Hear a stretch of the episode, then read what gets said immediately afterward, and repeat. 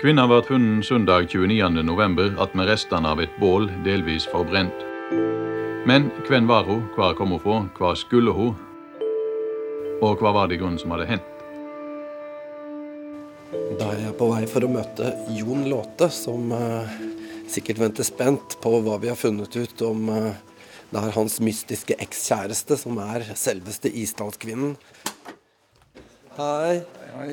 Ja, takk for Ja, sist. I like måte, du.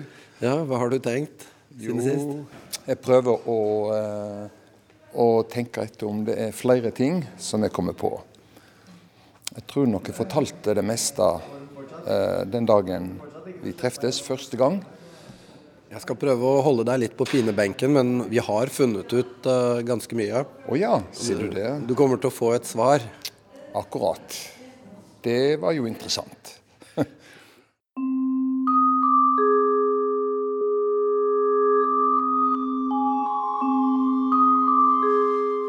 Og du kjenner deg igjen, det er på vei inn i gåten i Isdalen-redaksjonen. ja, ja. Her, her Og da skal vi treffe Mari Tigraf og Øyvind By Skille, som har jobba lenge med denne saken. Og Ok. de skal fortelle Ja. alt, alt som eh, vi har funnet ut. Å ja, så flott. Så er interessant. ja, Og spennende. Ja, ja, det er klart det. Så det er Hei. Hei. Hei. Hei. Hallo. Kan jo starte med de bildene du, du tok med sist uh, av din eh, mystiske ekskjæreste. De har vi sendt til uh, vitnene. Ja. Øyvind henta de ut uh, på lysbord. Ja, vi måtte få dem på en, eh, et, eh, en skanner som har et lysbord, som eh, gjorde at vi kunne få sett dem i litt eh, større, mm. større oppløsning og kvalitet. Og vi har fått en eh, respons. Det ene vitnet sier at det er fullt mulig, men vinkelen var litt sånn vanskelig å se, men ansiktstrekkene var på plass. Og det andre vitnet sier også at det er vanskelig å si, men øynene er på plass.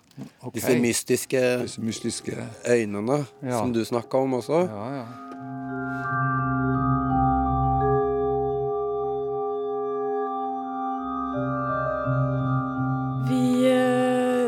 Da i etterforskningsdokumentene som vi sitter på, tusenvis av sider, for å se om vi klarte å finne igjen spor etter din, Anna Lisa. Mm.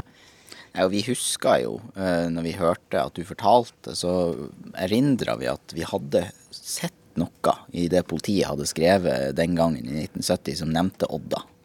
Eh, Så det var sånn Det kan jo hende det er noe der, så da begynte vi å bla. ja.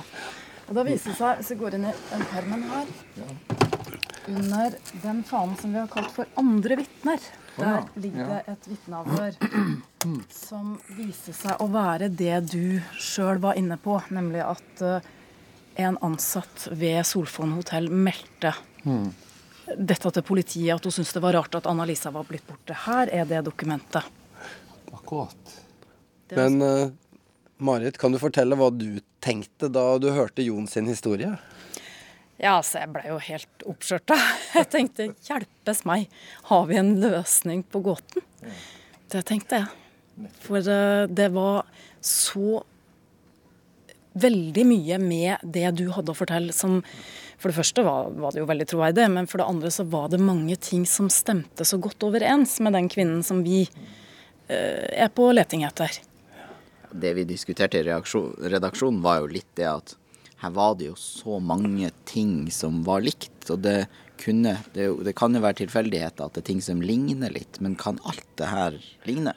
En mystisk tysktalende kvinne i Bergen i november 1970 som forsvinner sporløst og bruker parykker. Ja, som bruker parykker, og som, som har en litt sånn mystisk fortid, som har så gjemt seg på kysten av Irland og reist fra ikke sant? Og ikke har gitt lyd fra seg siden. Ja. Nei, det, når dere sier dette, så er det jo sånn at jeg, jeg har dere på lag, for å si det, og lurer på hva skjedde. Var det hun som hadde dratt opp i isdalen?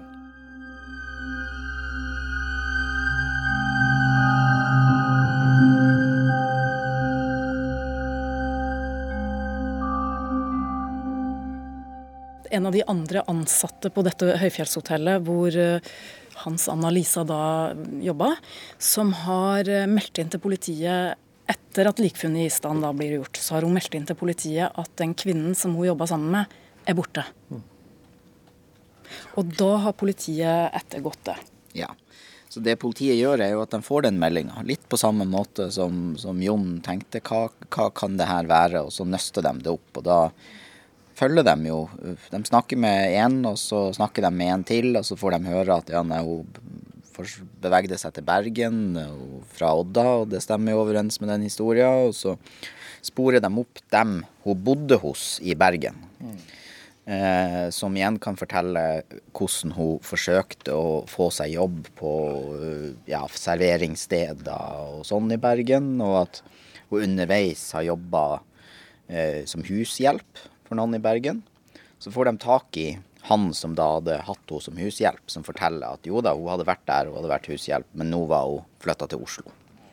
Og så finner de da ut at hun skal ha fått en jobb eh, som sekretær for en brite som drev et, eh, et, selskap som egentlig hadde hovedkontor i Bergen, men som også var i Oslo. Mm. Og han skulle da igjen ha leid en hybel til det selskapet som hun bodde i. Så kommer de igjen i kontakt med dem som da eide den, det huset uh, der den hybelen var. Så ender hele rapporten med at de snakker med hun dama som eier det huset, som sier at hun mener å ha sett Anna-Lisa for noen dager siden. Og Det er da etter at Isdalskvinnen ble funnet død. Så Derfor så tror da politiet at det kan ikke være hun som ble funnet død i Isdalen, for hun skal jo ha vært sett i live. Men det vi tenkte da, Marit, var ja, altså En kort periode en ettermiddag der, så var vel han, han han sjefen for det firmaet mordmistenkt i vår redaksjon. Men eh, nei, altså vi, vi, tenkte seriøst Vi tenkte at det er ett vitne som mener å ha sett vedkommende. Mm. Eh, Vitner kan ta feil. De kan ta feil av person, de kan ta feil av tidspunkt. Så vi tenkte hm, det er fortsatt for mye som stemmer her. Vi, vi må lete mer. Vi må sjekke det nærmere. Og det gjorde vi. Men hva, hva syns du, Jon? Nei, altså, det er klart at det, En del av disse tingene som dere nå snakker om fra dette politireferatet, er vel jeg har hørt bruddstykker via via no, hun ene som jobber i resepsjonen. Så hun sa at jeg trengte ikke bekymre meg, fordi at uh, hun sa det at uh, Ja, hun var sett med en mann, og liksom sånn OK, tenkte jeg. Da, da har hun bare takka for seg i forhold til meg. Og uh, og så har jeg liksom på en måte lagt det litt dødt, og det har roa seg ned for mitt vedkommende. Men jeg har jo ikke fått noe svar før dere nå kommer og forteller dette her som, som dere har funnet ut nå, da.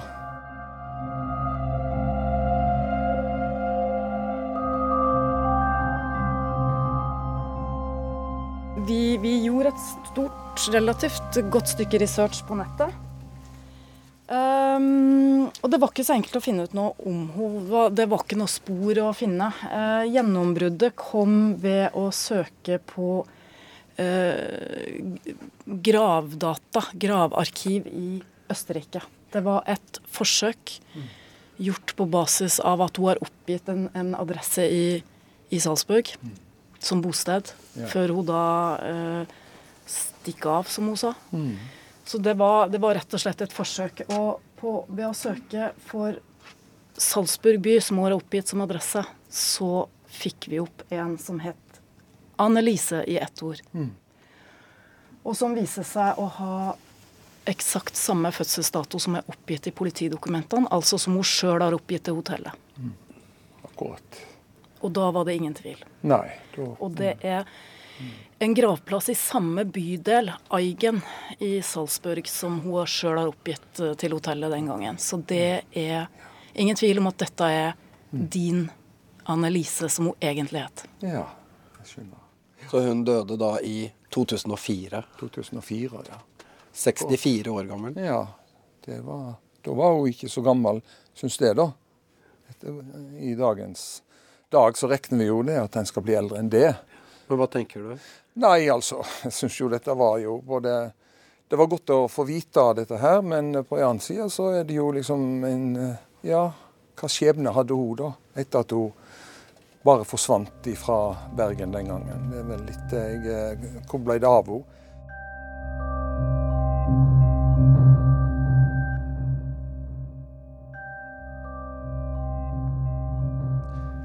Du har jo fått uh, svar på det viktigste.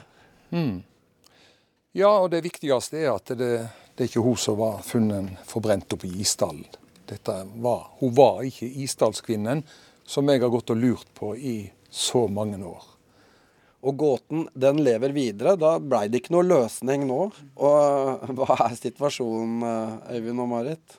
Det blir vel ikke noe før sommeren, kanskje?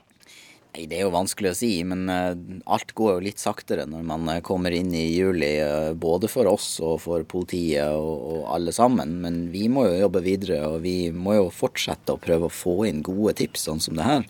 Sånn at vi kanskje kan finne noen som vet om, om hun som faktisk ble funnet i stand. Så sesong to er på sett og vis over. Nå blir det et opphold inntil noe spennende skjer fra denne radioserien og podkasten. Og det er fristende å sitere Twitter-bruker Rose Fagerheim, som følger gåten i Isdalen. Hun sier at uh, hvis det er noe hun har lært, så er det at undersøkelser går mye saktere i virkeligheten enn på CSI. Det er helt riktig. Det har vi også lært. Følg Gåten i Isdalen på nrk.no. Dere møtte Jon Låte, Mari Tigraf og Øyvind By Skille. Vår adresse isdalalfakrøll.nrk.no. Jeg heter Kjetil Saugestad.